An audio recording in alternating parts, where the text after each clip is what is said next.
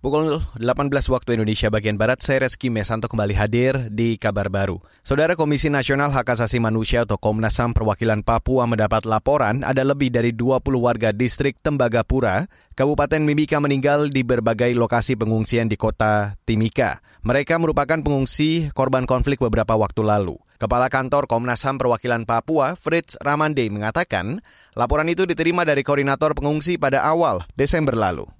Ada laporan, ada 23 orang meninggal dunia selama mereka mengungsi di Timika. Hmm. Memang Komnas belum verifikasi, mereka hmm. meninggal itu siapa-siapa, di mana kita belum verifikasi, tapi kita sudah dapat pengaduan itu.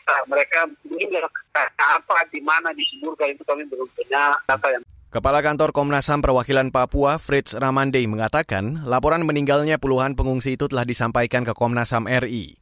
Komnas HAM Perwakilan Papua mengingatkan, pemerintah Kabupaten Mimika menjamin keamanan dan hak-hak warga pengungsi jika nanti mereka dipulangkan ke kampungnya.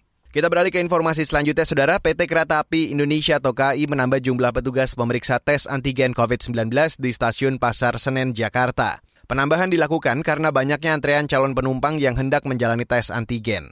Juru bicara PT KAI, Joni Martinus, mengatakan penambahan ini juga akan dilakukan secara proporsional di sejumlah stasiun lain yang membuka layanan rapid test antigen kami menambah jumlah petugas, baik itu petugas pendaftaran, petugas analis, maupun petugas pemeriksaan untuk melayani penumpang atau calon penumpang yang akan memeriksa layanan rapid test antigen tersebut. Sebagai contoh, kalau kemarin kami melayani dengan 10 petugas pemeriksaan, maka pada hari ini kami tambah menjadi 16 petugas pemeriksaan.